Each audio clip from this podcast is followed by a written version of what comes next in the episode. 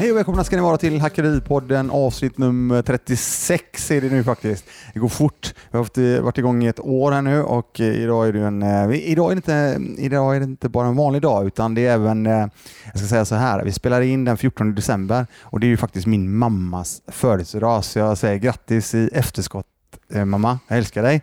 När du lyssnar på detta imorgon för hon är en väldigt, väldigt trogen lyssnare på Hackeripodden så som ni också är där ute.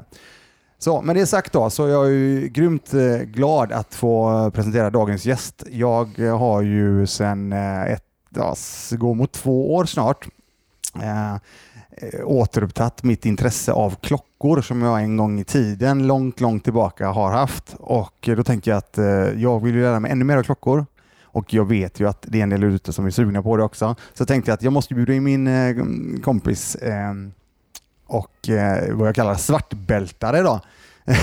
när det gäller klockor. För jag är själv en vitbältare. Eh, så att, eh, välkommen till Hackeripodden Miguel Adrian. Tackar, ja. kul att vara här. Ja. Kul att du kunde komma. Tack. Nej, men, eh, lite backstory. Det är ju faktiskt så att du och jag, eh, jag, jag lärde känna dig eh, eh via din brorsa. Mm Camillo. Mm. Vi tränade tillsammans mm. och så på den vägen är ju faktiskt. Ja, och sen så visade det sig att du är gammal klasskamrat till en av mina bästa, eller klasskamrat, du är kompis till en klasskamrat till mig sedan ja, jättemånga år. Exakt, att, det var ju det. Och det, och det är precis det. Återigen, den gemensamma nämnaren här det är ju faktiskt Frölunda Kampsportscenter då. För där, där träffade jag Camillo, som är din brorsa, och jag driver ju den tillsammans ihop med uh, Jim Bergman och Farzad Feili och Jim Bergman i det här fallet gick ju i, i samma klass som dig. Ja, vi gick i skolan i sex år i samma klass. Ja, du ser. Mm. Och jag vet ju detta för Jim är ju otroligt också, eh, klockintresserad också. Och han har ju varit eh, på mig väldigt länge om det här och han har ju nämnt då en viss form, ja, en kille som heter Miguel. Jag har inte tänkt mer på det, men sen så visade det sig då att det var gemensamma vänner helt enkelt. Då. Precis. Ja, Jim han är ju duktig på klockor också och gillar det. Ja, han, ja det är han verkligen. Och framförallt också någonting som han gillar, han gillar att hålla på och pilla med dem med. Och, och, och, du vet, ja, jag vet inte om han är någon form av... Jag avråder Jim från det. ja, Hur mycket, du, eh, snabb fråga då när, du har, eh, när vi snackar om Jim där. Hur mycket, alltså är det rekommendation att inte pilla i klockorna själv? Det är absolut en rekommendation. Ja, ja. okej. Okay. ja, det är bra. Men i alla fall, jag ska, jag ska, jag ska dra det här då, för jag, jag måste ta en parallell till det faktiska inlägget som jag la ut eh, i söndags blir det då för er som lyssnar på detta imorgon, det är tisdag. Och då var det så här att det var ett eh, inlägg där, ehm, där vi tänker på att, eh, jag tror det var Robert Kiyosaki som har skrivit, eh, sa någonting om att låt dina assets, alltså dina tillgångar betala dina luxury items. Eller rätt sagt dina lyxvanor. Och det, och det, jag har ju pratat ganska mycket om det här på podden tidigare, att försöka bygga upp ett, ehm, en portfölj av tillgångar som kontinuerligt genererar pengar och för de pengarna kan du leva och göra lite roliga saker för. Klockor tillhör ju det roliga då. Ja, och, och det, mm. det, var just det som jag tänkte skulle ta då för att när vi träffades, eh, detta var ju 2019, tidigt 2019 mm. och då var jag sugen på att faktiskt eh, köpa mig en klocka. Den, den för, första faktiskt klockan. Mm. Och, och, och, jag är ju väldigt så att jag kan ju inte bara gå till vem som helst när det gäller det här, utan jag vill ju ta reda på mycket information och jag vill se och jag vill ju ha någon som jag litar på. Du vill bli lurad av en seriös helt enkelt? Ja, precis. Jag vill bli lurad på rätt sätt. Nej, men alltså, och, och, då var det ju dig jag ville snacka med såklart, för du kan ju detta. Du har ju, vad jag förstår som så är du, du har ju otroligt lång bakgrund när det gäller intresse av klockor. Mm, ja, men jag har varit intresserad riktigt många år så att eh och hållit på lite på hobbynivå i väldigt många år också. Idag så sysslar jag med begagnade köp och sälja och begagnade på heltid i princip. Ja, just det. Jag tänker på det, eh, hur nördig är du när det gäller klockor? För det finns ju de som eh, kan eh, alla movements i klockorna, alltså, alltså du vet, verkligen sådär jätte, jättenivå. Alltså jag är nog inte riktigt så nördig, Nej. men jag kan ju testa en klocka så jag ser hur den mår på insidan genom att använda en en maskin då som mäter värdena så att ja. jag vet hur den mår på insidan. Ja, men sen så skruvar jag inte själv, men självklart kan jag korta en Rolex-länk eller en Omega-länk eller byta band och alla sådana saker. Mm. Um, man håller lite koll på vad det sitter för, om det är inhouseverk eller om det är något externt och vad det är. Sånt som är intressant för de som är lite nördigare än bara utseendet på armen. Ja. Mm. Okej. Men för jag går tillbaka till det när, när, vi, när jag satt och snackade med dig. Jag kommer ihåg, det var ju så här och tänker att det är ju väldigt mycket pengar. I det här fallet så rörde det sig om, jag får nämna det då, i det här fallet var det ju en Rolex som Ja. jag pratade med dig om Mm. initialt. Mm. Och varför var det en Rolex? Ja, eh, jag måste väl säga så att eh, det handlade om att jag hade lyssnat runt omkring och lyssnat ännu mer på YouTube och hela den här biten. Och eh, jag vill ju inte köpa någonting som direkt sjunker i värde. Till exempel som en, jag har gjort en del mindre bra bilaffärer. Jag vet i och för sig att du har gjort en jävla mycket bra bilaffärer så det kan vi försöka. ett annat avsnitt. Men eh, när, när, när det gäller för min del med bilar så har jag alltid varit eh, en sån klockren person att jag köpt en bil och så plötsligt har jag kört ut den från eh, den, eh, den goda vagnhallen och så har den sjunkit till, med en hundring eller någonting. Mm. Ja, Det är ganska och det här, vanligt. och, ja, precis. Och det ville jag ju inte alls eh, skulle hända nu med den här Nej. klocka då. Självklart så vill jag ju ha någonting som ändå en schysst accessoar som kille. Vi kan inte kanske ha så jäkla många grejer utan en klocka är ändå en, en rätt schysst grej. Absolut. Ja, och då ville jag inte efter x antal år känna att jag hade tappat massa pengar på den. Jag ville i alla åtminstone kanske, eh, ja, jag kanske fick tillbaka mina pengar Mm. om jag skulle behöva. Det är en bra tanke. Ja, det, det kan, är- och det kan man oftast åstadkomma. Just nu vi, om man ska prata Rolex då, så får man väl säga att det är, det är väl det mest kända och starkaste varumärket i klockvärlden. Och har man en sportmodell så kan man antagligen omsätta den oavsett i vilken stad, vilken världsdel man än är, om man skulle behöva Ja. pengar. För alla vet vad det är. Liksom. Mm, okej. Sen kanske inte Rolex är så exklusivt, för det är rätt många som har det. Men det är sjukt bra grejer. Mm. Mm, det, det måste man säga. Ja. Och ska man jämföra med de här bilarna du var inne på så är det liksom som att ha en eh, ja, ha en Submariner i stål. Det är som att ha en BMW 335. Okej. Det det den är mysig att åka i och den funkar jävligt bra. Ja, ja, okej. Jag har åkt en BMW faktiskt, eh, sådan tror jag. Jag är inte jättebra på bilar, men jag har åkt en BMW. Ja, eh, nej men, ja, okej, så, så att min, min tanke där, den var ändå sund, för jag, jag, jag driftade med, med dig ganska mycket innan. Jag var ju väldigt sådär, ska jag, ska jag inte och så vidare. Sen är du ju en jävligt duktig säljare, så jag blev ju skinnad ändå. Men, Man kan väl säga så här att jag brukar skoja ibland och säga att det är bankpengar och då menar jag att istället för att glo på bankboken, nu är det digitalt Ja, man glor ja, precis, Ja. kommer ihåg det du ja. Bankboken ja. Ja. Eh, nej, men istället för att glo på siffrorna i den så kan du ha klockan eller pengarna på handleden. Och alltså om man ägt en, en stål-Rolex de sista tio åren så är det ju ingen som har förlorat pengar på det. Nej. Det, det har varit omöjligt, eller det är omöjligt. Så att det är värdebeständigt, riktigt värdebeständigt är det. Ja. Sen kan man inte säga att det är forever. Liksom, det går inte. Nej, men det- är väl så med allting egentligen. Sen däremot så är det ju lite, det, det, det är kul. Det, jag tycker det är rätt trevligt i alla fall när du säger det, du, med den kunskapen som du sitter på. Då känner jag att jag själv ändå att jag har, jag måste väl ändå se som en investering. Ja, I, mig absolut. själv i alla fall. Ja. Sen om, jag, eh, om den skulle potentiellt gå upp i, i pris, och det är ju en ren bonus för mig då. Eh, Sen att jag känner att fan, jag kom in på en bra nivå och jag får förmodligen tillbaka de här pengarna om jag skulle behöva det. Antagligen lite till om du har den ett tag. Ja. Men om man, om man nu till, om du var inne på Rolex då. Mm. Det finns ju massa, massa brands där ute. Mm. Om man ser till, om jag nu känner att, ja men fan, är det någon annan än Rolex som du, som du med din känsla eh, tror är ändå värdebeständig, att alltså åtminstone håller sig i värde eh, någorlunda? Ja, det finns det ju.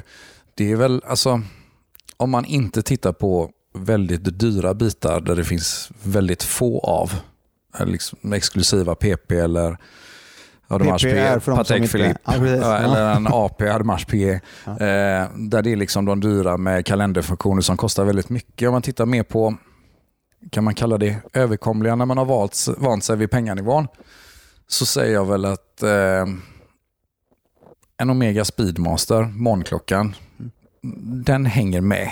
Omegas övriga klockor kanske inte hänger med riktigt som den gör, men den är en sån super, super klassiker som har sett likadan ut forever.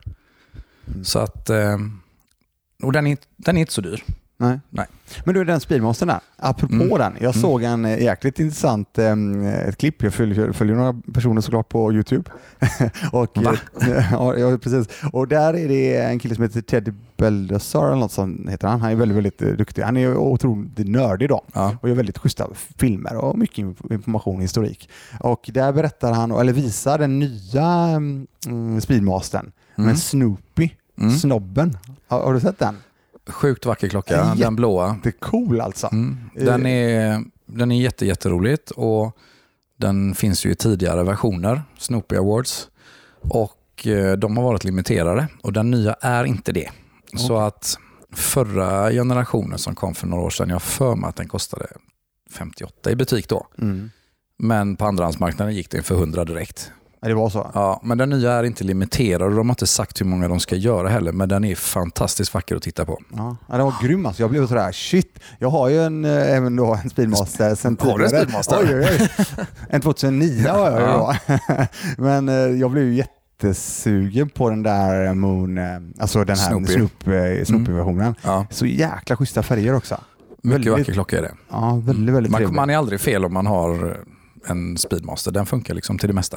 Ja, jag lärde mig ett nytt uttryck där också. Speedy Tuesday Ja, har jag lärt mig var- då. Hashtag det- Speedy ja. det, det var ju faktiskt en specialmodell som de sålde över nätet Jaha, från början som man kunde beställa och för, förboka då. okej. Mm. Men apropå klockor nu då. Mm. Jag ska fortsätta lite grann på, med investeringsdelen och så vidare. Men om, jag vet ju att du har en förkärlek till ett specifikt brand.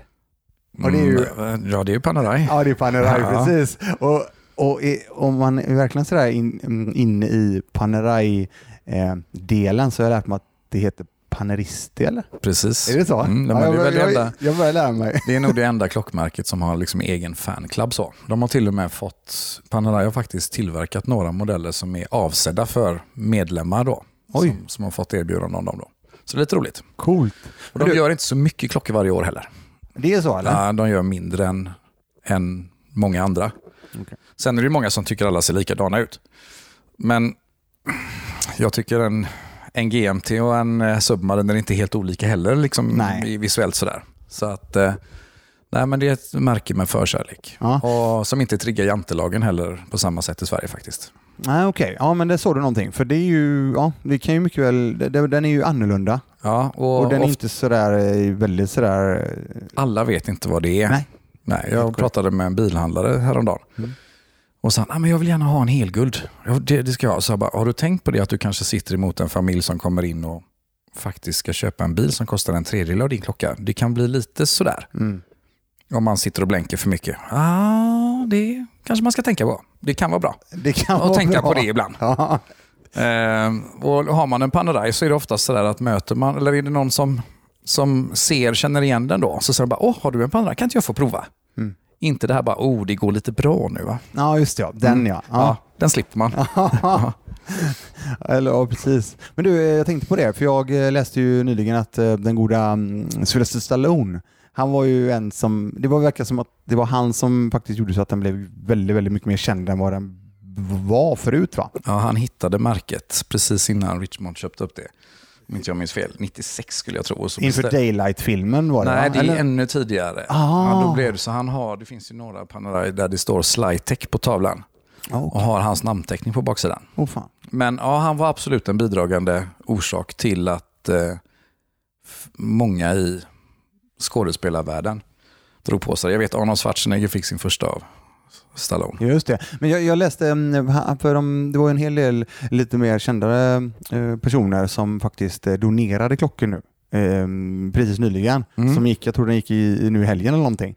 En sån aktion. Och det var ju Sylvester med, med sin Panerai, med den här mm, Panerai-loggan specifikt. Ja. Den gick för närmare två miljoner, hans Mm. svenska kronor då. Mm. Eh, Så att, ja. Det har varit en bra prisutveckling på den. Just det, den har det varit det. För Ja, det det. är ju hans. Ja. Sen fanns det ju en massa andra tokiga. För du vet ju, vi snackade ju om det också, det, som du sa där, det finns ju tokigt dyra eh, klockor. Ja, det gör det. Alltså, Som är, alltså det går inte riktigt att greppa. I alla fall inte, ja, inte för mig i alla fall som är så pass ny i det. Nej, men det är ju samma som bilvärlden då. Du kan köpa en Bugatti för 15 miljoner. Ja, jo. Mm. Alltså, det är en sjukt bra bil.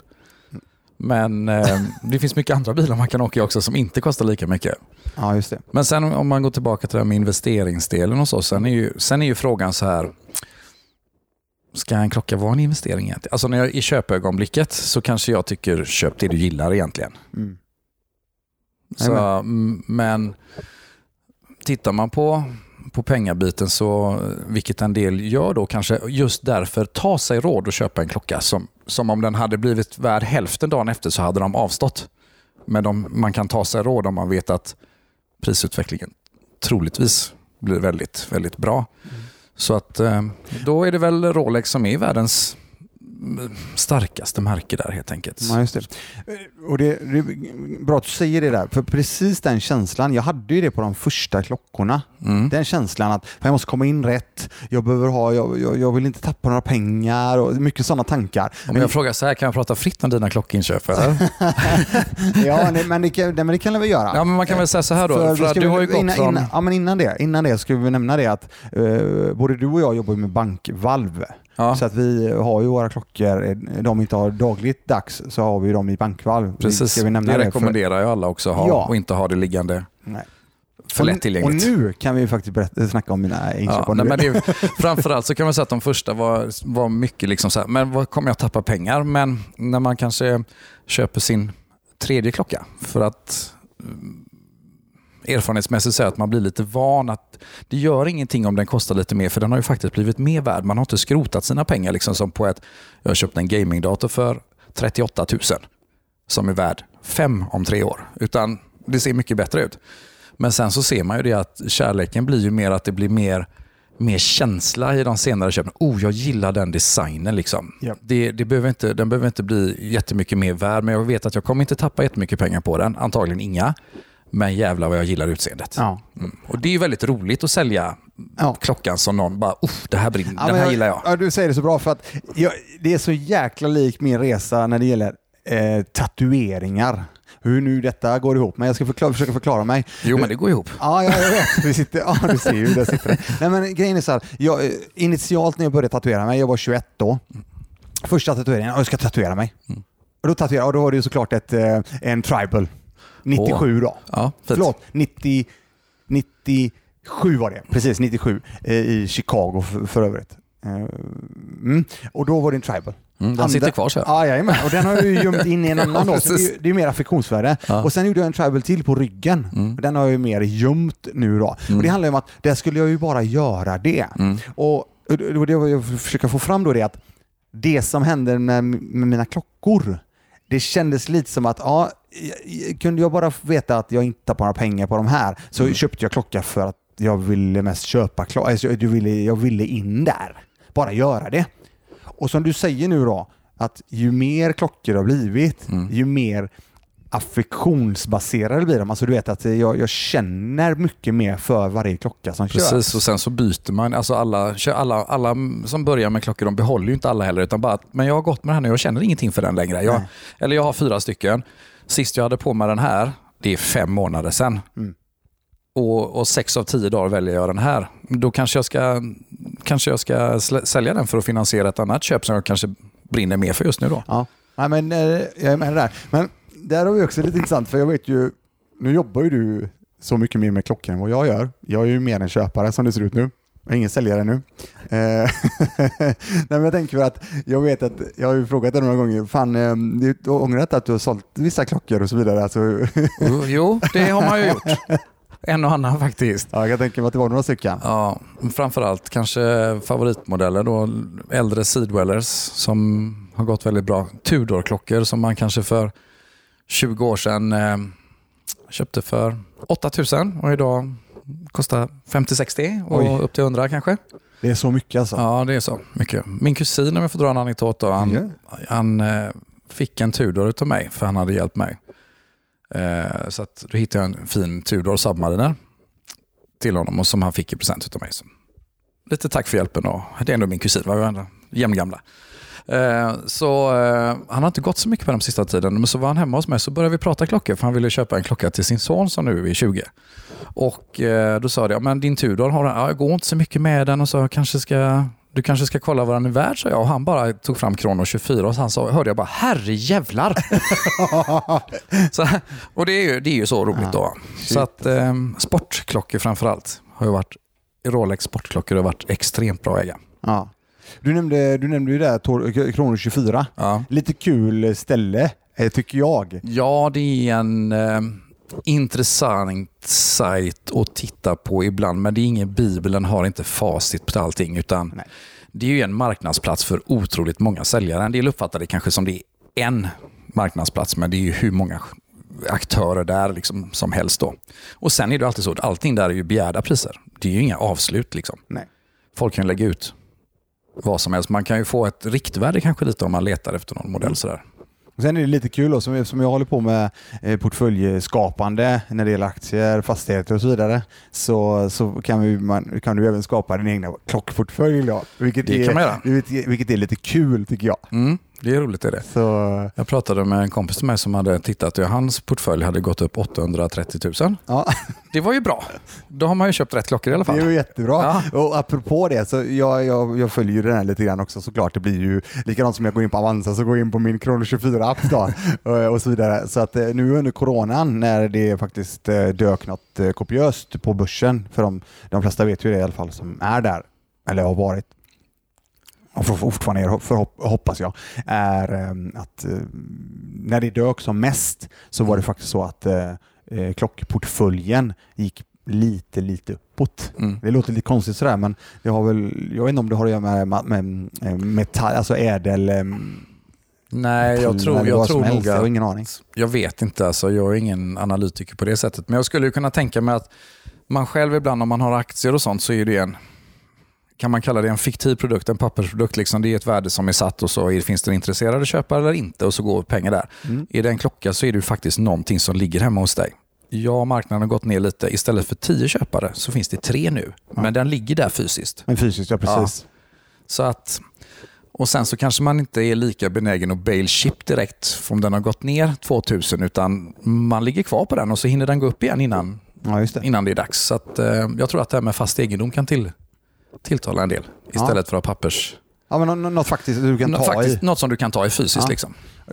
Och det känner jag lite grann med, eh, det känner jag även, det är inte, okej, visst, jobbar du med det så klart du skulle kunna sälja av en klocka eh, relativt fort Ja. om du skulle behöva. Mm. Däremot så eh, tycker jag ändå rätt skönt. Det är lite likt fastigheter för det tar en stund att sälja en klocka. Om jag själv skulle vilja sälja en klocka så, och jag får en sån infall att nu säljer jag den här, då kan jag ju inte göra det där och då. Likadant som en aktie, jag trycker på en knapp och så är det sålt. Så är det sålt ja. Ja. ja. det är skillnaden. Det, det snabbaste du kan göra och då blir det en tråkig affär. Det är väl att kanske gå till panter med den och så får du fel värde ändå. Ja, Om det. du har extremt bråttom då, för de vill ju såklart göra en bra affär. Mm. Men annars så blir det blir en inbyggd fördröjning på Mm. säljandet. Genom att det tar lite tid då att göra sig av med bitarna. Ja, ja, ja. Mm. Men det är lite intressant när du kommer hit så eh, nu har ju vi, um, var ju en av klockorna faktiskt som eh, du tog med ett härligt eh, schysst band till här idag. Och det ser jag ju fram emot. Men helt plötsligt så kommer det en klocka fram också. Det är märkligt. det är Jobbar du som jättekonstigt. säljare eller hur funkar det? Nej, jag vet Nej. inte. Hade jag med mig en modell och så råkade du vilja ha en sån? Jag vet inte. Jag har inte ens nämnt den här klockan heller och den är så jäkla fin. Och Tankeläsare. som- Ja, det är så på något sätt. Men det är i alla fall en, eh, en Black Bay Bronze va? Tudors. Black Bay Bronze. Det är Mm. jätte, jättefin. Så att eh, för de som är sugna och se hur den ser ut så är det bara att eh, googla den eller eventuellt gå in på Kronor 24 tror jag. Där kan man väl säga att Tudor är väl lätt om man pratar value for money då. Om man ska titta på ett sånt tankesätt också så kan man väl säga att några märken jämfört med de stora då är väldigt, väldigt bra för pengen som, eh, som de kostar. Och där är väl Tudor ett exempel som under de sista åren har fått betydligt mer egen profil och- eftersom de är ett Rolex-ägt företag. Då. Förut så var det ju samma boetter som Rolex med krona alltihop på ett annat verk i, men nu har de egen design. Mm. Och, eh, och där får man säga att prisbilden är jättebra för den faktiska kvaliteten man får.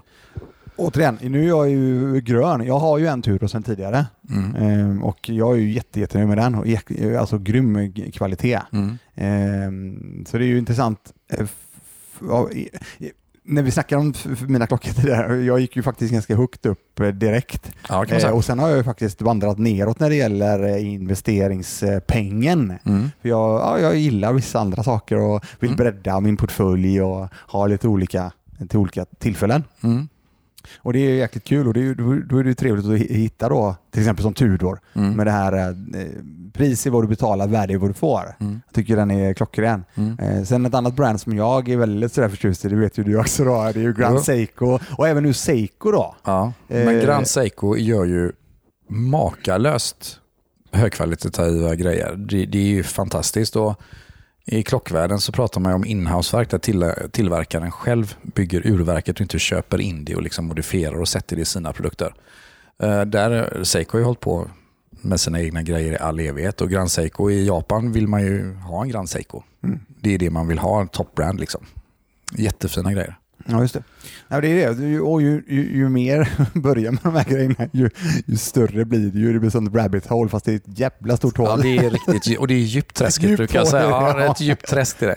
Men det här med varumärke också. Grand Seiko är ju lite grann, om vi jämför tillbaka med bilarna, det är lite grann som när Lexus började. Det är fantastiskt bra bilar, men varumärket var inte så sexigt för det var Toyota som låg Just bak. det. Det blir ingen BMW, eller Merca eller Porsche bara för att den är riktigt, riktigt bra, utan det tar ju tid att bygga det här då. Och Seiko, de makalöst bra grejer. Men Seiko har ju nu uppat sin, eh, alltså, sin, sin alltså, eh, i alla fall sina priser på sina, Mm. eh, alltså Seikos eh, produkter. Ja, Eller hur? Ja. När de har implementerat eh, den här spring driven till exempel. Och, precis. Så att de höjer, ju mer varumärket blir känt desto mer kan man ta betalt. Tudors chef sa för många år sedan att den dag det finns kopior på vårt märke då är jag riktigt nöjd. ja, ja, okej. Ja. men det är så. ja. Så, ja. Men du, apropå kopior. Mm. Där har ju, vad jag vet, så har ju Panerai haft en utmaning med Mm. just att det varit så som lätt att kopiera deras klockor. Ja, visuellt så ser det ju, så ser det ju, det är inte så svårt att få till den karaktäristiska looken med bygeln över kronan då. Ja, just det. Men alltså, är man i Thailand så är det en annan Rolex-kopia också tror jag. Ja, det, det finns en jäkla massa kopior på allting. Ja. Ja, ja. Nej, men jag är med dig helt där. Ja. Ehm, mm. Men vad, vad är det nu? Alltså, om man nu ser till, eh, om jag nu skulle till exempel vara sugen på att, eh, en, första klocka, du nämnde det förut, Mm. Ehm, Omegas eh, Speedmaster. Mm. Det är en rätt schysst ingång och inte, du blir inte skinnad på allting du har. Nej, det blir det inte. Nej. Men om, om man ser till det då, du- du anser att man som en potentiell klockentusiast eller samlare av klockor Mm. så måste jag ha en Speedmaster i min samling. Ja, det tycker jag. Ja. Absolut. Jo, men- men... sen kanske inte det alltid blir första klockan en Speedmaster. Om Nej. du frågar mig. För jag, jag, jag håller ju mest på med klockor som jag gillar själv. Liksom. Det, och det är sport, dykare och så. Jag tycker oftast att eh, första klockan gärna får vara en vattentät klocka.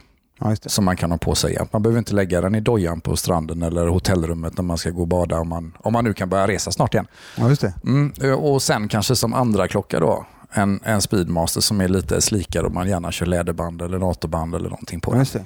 Klockor har jag på min där Ja. och den är jättetrevlig. Fantastisk. Ja. Eh, Men, men, men som, okej, som en andra klocka potentiellt då. Men Mm. eh, om man, eh, om, låt säga att vi ska bygga en, en, en portfölj då, på fem klockor. Mm. Om du ska få välja fem klockor.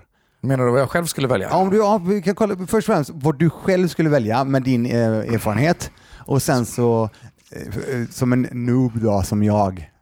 Ja, men det är lite svårt för man kan Du ju... ligger ju på en annan... eh, Du ligger ju på en annan... eh, Men om det ska vara rimliga pengar då, liksom, lite, lite vanligare och så här med väldigt bra grejer. Och Mm. Tar vi hänsyn till investeringar nu eller bara känsla? Nej, men vi kör känsla då. Känsla? Ja, mm, en Rolex Sidweller säger jag. Just det. Ja, för att den är vattentät. Ja. Nummer två hade nog varit eh, en Speedmaster skulle jag rekommendera. Själv har jag nog köpt en Panerai. Som nummer Okej. två. Ja. Eh, en eh, Audemars Piguet, en AP Royal Oak kronograf 41 mm. Gärna med blå tavla. Mm, Okej. Mm, vad skulle man mer kunna tänka sig? eh, det hade nog blivit en, eh, en Breguet tror jag. Ja, där har jag ingen aning. Vad är Nej, det? det är ett, ett ganska litet märke som har funnits. Napoleon hade en Breguet. Jaha, Ja, det är back in the day alltså. back in the day. De har varit med ett tag. Nej, det tycker jag är ett, eh, ett eh, klockmärke som gör med mycket kärlek och eh, och vackra klockor Mhm. med en Breguet. Ja, det måste jag titta på för det, nu jag, jag Mm, är det för kan jag lär mig nya grejer. Sen, sen, eh, sen gillar jag ju jättemycket IWC som gör sjukt bra grejer. Eh, kanske inte rosar svenska marknaden riktigt. Många lite klockentusiaster vet vad en portugis är det väl det vanligaste då. Lite Just det. dressigare. Just det. Och Men sen de IWC-piloten Ja, också. flyger. Ja, just det, Ja. flyger. Ja, pilotklockorna de är ganska stora många av dem. Men eh, ja, den, ja, den gör jättebra grejer. Mm. Så att det är väl de märkena där. Okej, nice. Men om man då ser till, det, det, det är din känsla, eh, Och allt då i stål pratar jag om nu. Okej, då. In, ja, det- inte ädelmetaller nu, utan okej. i stål. det är det som gäller tycker Ja, du? det tycker jag. Ja, okej.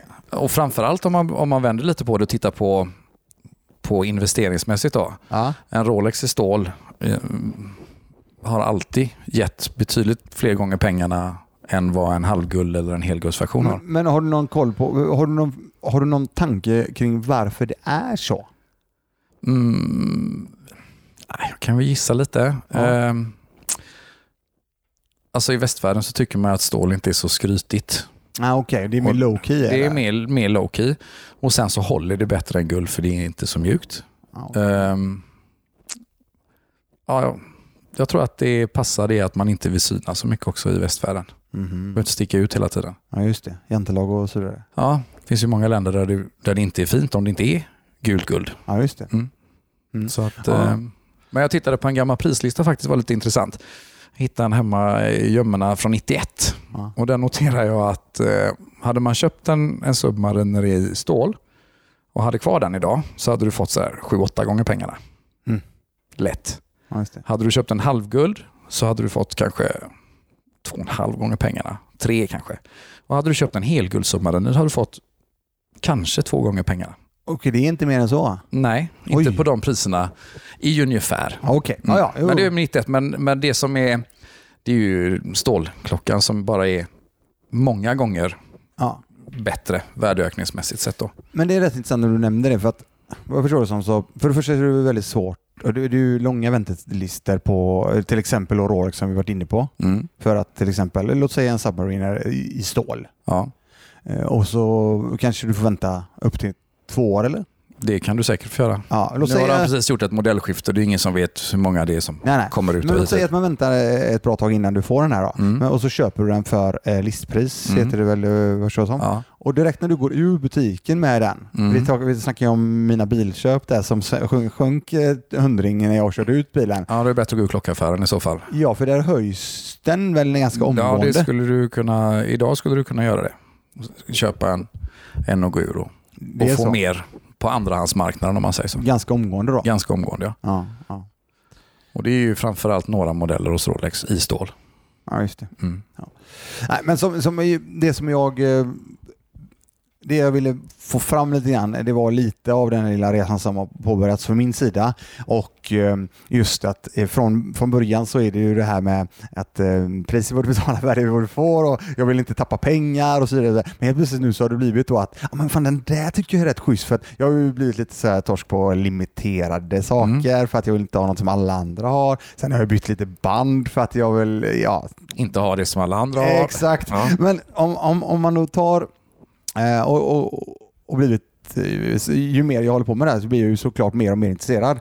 Ehm, men då, då tänker jag så här, eftersom jag går Senast i alla fall har jag gått mer och mer åt limitering, limiterade hållet. Mm. Ehm, men är det alltid, återigen, nu är vi tillbaka till det där med värde och så vidare, är det alltid så att limiterade faktiskt eh, är lite bättre i, eh, än, än den vanliga?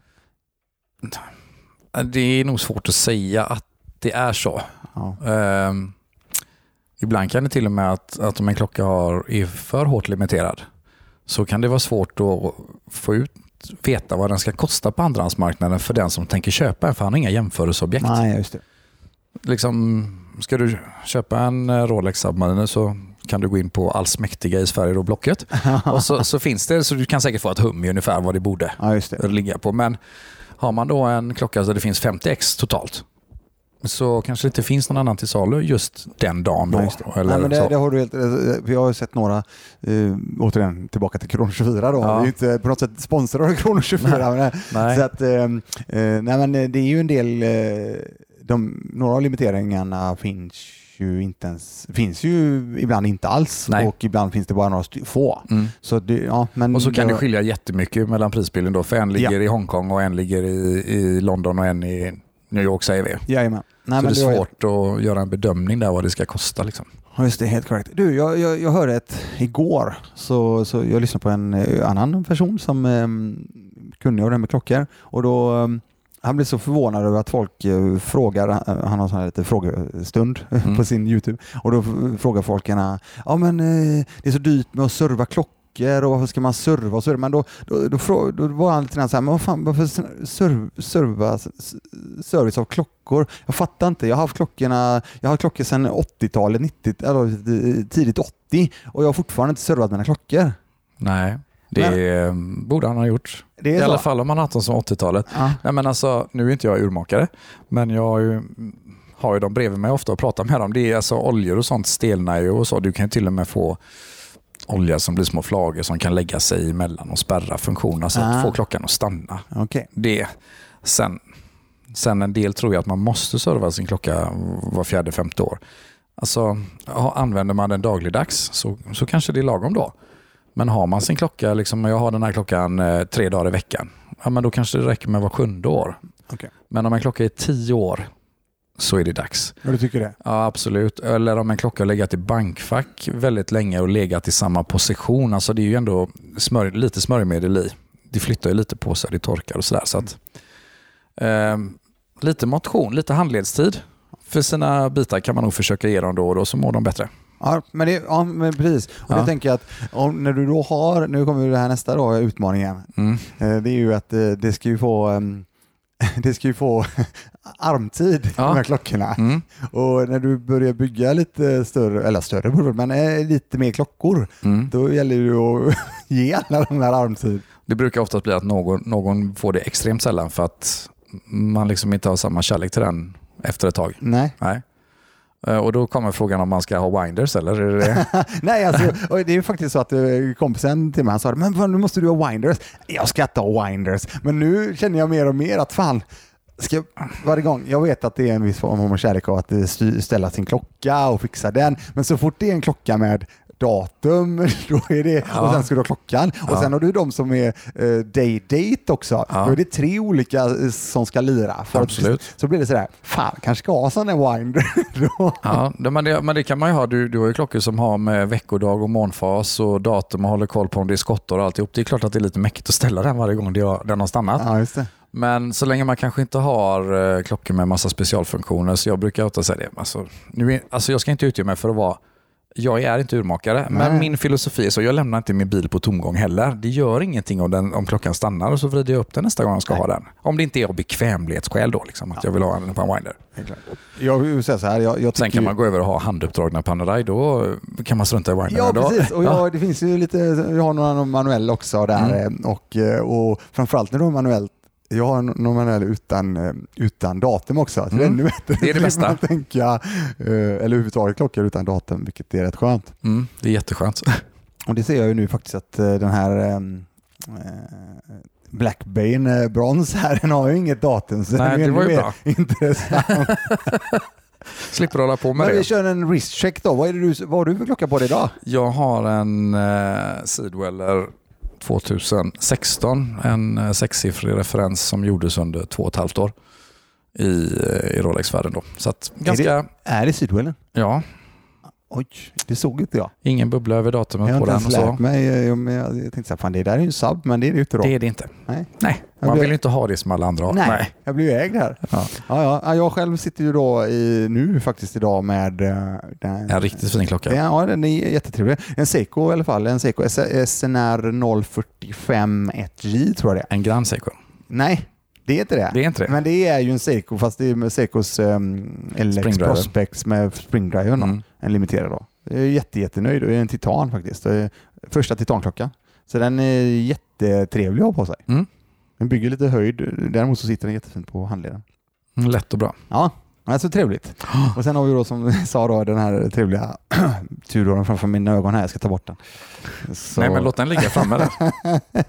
Ja, vad hade du? Du hade någonting du började fippla i fickan där. Ja, jag tänkte jag skulle...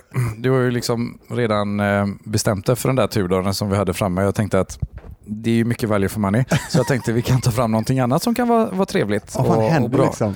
Och eh, jag vet inte om du har sett den här på, på hemsidan kanske? Om du har Jo, kikat? men det har jag ju. Men okej, nu, nu är det så här. Eh, För, för, nu, nu, för de som följer podden och även Instagramkontot Hackad Liv vet ju det att jag håller på att bygga en eh, studio. Mm. Ganska nära här vi sitter idag, för vi sitter ju faktiskt hemma i mitt kök idag. Mm. Eh, För har ni då hört eventuella fotsteg så är det det här med ljudisolering igen. Jag, backtrackar, ni får lyssna på några avsnitt tidigare och följ på, på Instagram. Idag sitter vi inte i studion nu för den är inte klar. Och covid själv såklart. Ja, covid, absolut. Vi sitter ju socialt distanserat eh, Ja. ifrån varandra och så vidare. Mm. Men tillbaka till detta då, så är det så att eh, jag såg ju inte att det var en sidwell du hade där. Jag, jag är ju så pass eh, fortfarande vitbältare och när du säger det till mig tänkte jag fan, jag kollar ju på sidweller och det Mm. gör jag ju på din sida som du sa, Mm. imvintage.se och då är det så att eh, därför- Råkade jag ha med den sidovällen? Ja, helt plötsligt har du med det där och Mm. det här har inte jag bett om såklart. Nej, det har du Men du har inte. varit ute en regnig dag förr så att det var ju kul för att du tog med den här. Mm. Eh, och den här är ju jätte, jättefin också och det är ju Mm. en Sidweller Red va? 43 mm, den, den nya och där är det väl, eh, där har de varit lite så, lite påhittiga då, liksom gått ifrån en mångårig trend att inte ha förstoringsglas över datumet på, på Sidwellers historiskt. Men på denna 43 så har den faktiskt fått den här cyklopen som, ja, nu. som ja. en del tycker är så synonymt med Rolex som varumärke. Då. Just det. För nu, den, jag, jag skulle säga så här, jag fick ju brillor när jag var eh, 40 den gång. Mm. Eller- Så du är så pass? Ja, jag Ja. är ju några år äldre. Ja. Du är ju mycket äldre än mig i och för sig. Men, Nej men grejen är att jag, eh, jag måste säga att jag, jag gillar ju det här cyklopet.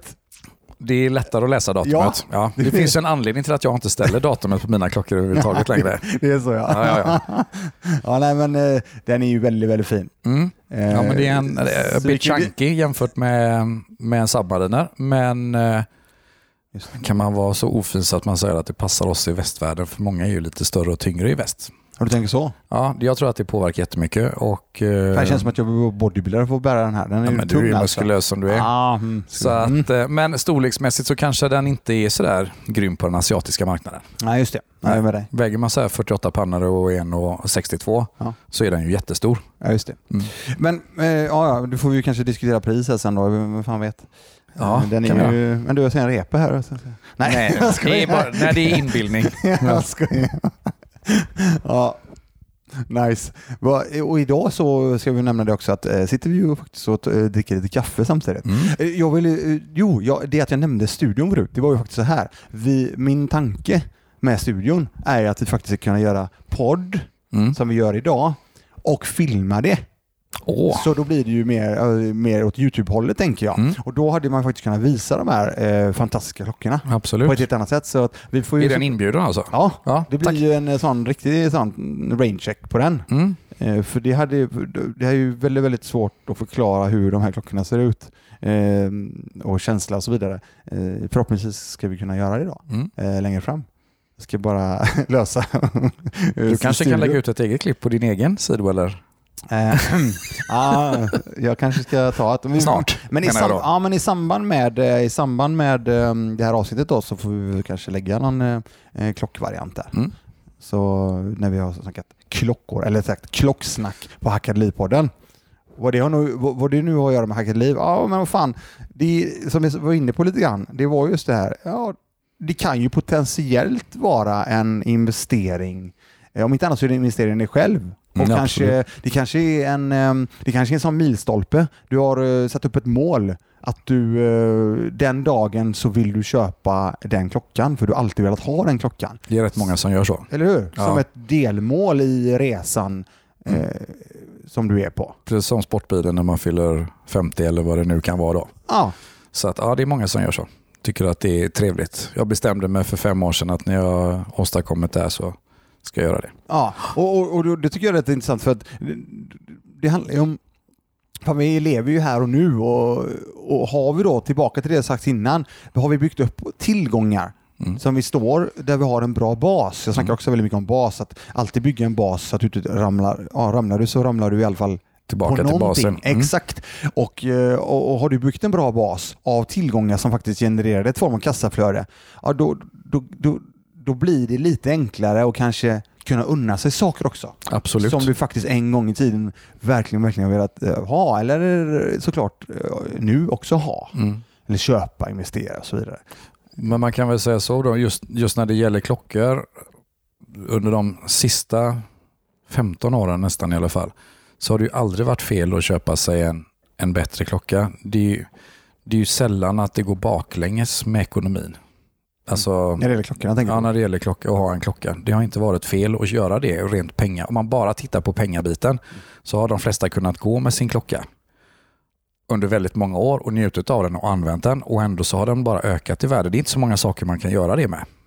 Alltså ta ut nya, använda under många år och den är värd mer när man, den dagen man ska göra sig av med den. Jag, jag har två grejer, tänker jag. Jag ska bara nämna det också för de som undrar varför vi inte hört eh, Meddis fagra röst idag. Eh, och Det är ju eh, faktiskt så att eh, Meddi har fått ledigt idag. Han har fullt upp med andra saker. Så att, eh, därför eh, kör jag racet själv här med Miguel.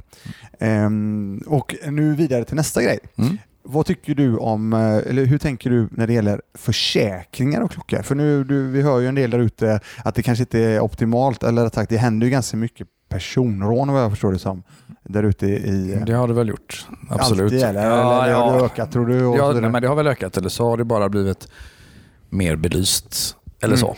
Eh, ja, men det kan väl vara vettigt att ha en försäkring på sin klocka. Absolut. Om man har, har man lite dyrare klockor så, och man tycker att förhållandet mellan premien och klockan och användandet Mm. är, är okej. För i takt, premien har ju ökat lite grann också upplever jag det som. Men jag tänker väl så, om man har en daily beater som kostar lite grann, 150 000 för sin dagliga klocka som man alltid har på sig, eller ännu mer, Mm. så kan det vara jättekäckt att ha en försäkring på den. Men om man har en, eh, och premien blir rimlig, eh, om man har en guldklocka för eh, 700 000 Ja. som man använder på bröllop och eh, dop kanske, där man sätter sig hemifrån till bilen, till kyrkan och tillbaka, då är inte så risken så stor. Nej. Vare sig kanske att tappa den eller bli utsatt för något, något brott. Då. då kanske man kan skippa att ha så här 12 000 i premie på den om, per år. Ja, För en klocka som man går med fyra gånger per år kanske. Mm. Så att, eh, ja, det är inte dumt. Nej, okej. Nej. Nej, jag är med dig. Eh, Det är väl ofta där man tänker på att det är bra att ha ett, eh, ett värderingsintyg från någon av Svenska Handelskammaren godkänd värderingsman till Ja, exempel. det. Men där sa du någonting, det ska vi ta. Mm. Eh, jag har en fråga till där. Eh, apropå det, så jag har en fråga. Du, du var inne på det, värdebevis och sådana saker. Mm. Det har vi inte ens gått igenom. Du, när vi köper en klocka, Mm. då tänker jag lite grann så här, då är så här originallåda, cert, alltså full, brukar det, det Ja, heta. full set. Ett, Ja, full fullt, set, ett fullt set. Full, fullt Mm. set. Mm. Alltså hur viktigt är det? Det är ju jättebra att ha det. Men i den nyare klocka så absolut, då vill man ju ha med det. Annars vill man kanske veta varför det är borta. Men har man en klocka som är 35 år eh, så är det inte alltid så konstigt att kanske en låda eller ett, ett certifikat, ett papper har försvunnit i någon flytt eller vad det nu kan vara. va? Ja. Så att, men ja, har man kvar det så kommer det påverka värdet på slutet också. En, en fullsättad 40 år gammal Submariner, den är ju värd mer än en som inte har fullsätt. Så är det. Men apropå det då, hur, om man nu tittar på vintageklockor idag, alltså Mm. som är, för dig och mig vintage, vi, det är ju eh, ganska mycket längre tillbaka i tiden. Mm. Ehm, och då tänker jag att... För hur- kidsen idag är ju en 90-tal vintage. Ja, just det. Ja. Ja. Men jag, jag, du vet, jag, nej, jag, jag har ju trots allt vad jag tycker är en vintage-sub då på, från 94. Jag tycker det är vintage. Ja, det är För semi-vintage det i var alla ju fall. faktiskt en försenad eh, studentpresent till mig. Det var så jag sålde in den. Ja, ja, jag har det. Det är skitbra. Ja. Nej, men jag tänker att hur vet jag, om den inte är fullsättad nu då, Mm. Alltså hur vet jag då att fan, det, här är, det här är en äkta klocka? Alltså den här äkta Rolex eller om det är en äkta vad det nu må vara. Ja, är man, är man osäker får man ju be någon öppna den. Någon urmakare öppna den så får man titta vad som sitter i. Ja just det, det är Absolut. så det. Ja, det är det väl en klar rekommendation om man är osäker. Utöver att serienumret ska synas och att det ska se rätt ut och ett, att, det, att eh, siffrorna i boetten är gjorda på rätt sätt. Och alltså, ja, det får man eh, försäkra sig om helt enkelt. Ja, just det. Mm. Mm. Och det, det är en enkel, är det ett enkelt ingrepp för en Ja, det är urmakare att göra? jätteenkelt går att göra fort Och, Men sen ska man säga så här också i ärlighetens namn, att, att det finns cert och låda betyder inte att den är äkta bara, för det skulle ju kunna vara någon som har plockat ihop. ja, Alltså, det är ganska ovanligt med riktigt bra